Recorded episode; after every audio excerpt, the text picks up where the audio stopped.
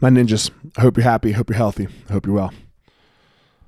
Let's look at the next part of this quote from uh, from Franklin. So the quote again: "Tell me and I forget, teach me and I remember, involve me and I learn. Teach me and I remember." It's a step. It's a good step, right? It's a good step.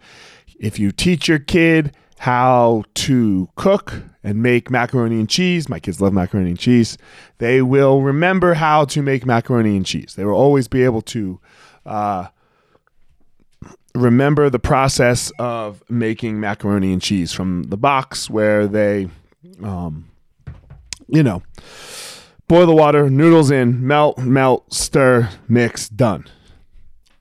It's a step. They'll always eat, right? They will always eat, and and that will be such a good thing. That that's such a step up from uh, tell me and I'll forget, or just do it for them right? Like, for example, when you just keep making the mac and cheese for them, there's nothing about a human adult being that if you just keep doing it for them, that will give them any responsibility or learning in that. So, um, in this mac and cheese example, if I just make the mac and cheese for my kids, then it's over. That's the that's the tell tell them and, and they'll forget part. Or so, and now we're at the part where okay, they can make mac and cheese. Teach them and they'll learn. I'm sorry, teach them and they'll remember.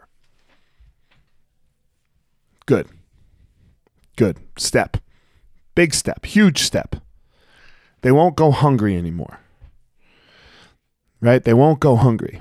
But if we're looking at this uh, on the on the scale of what I talked about a couple a couple weeks ago of the anti-fragile uh, robu- uh, fragile robust anti-fragile this is robust it's good. But it can be broken.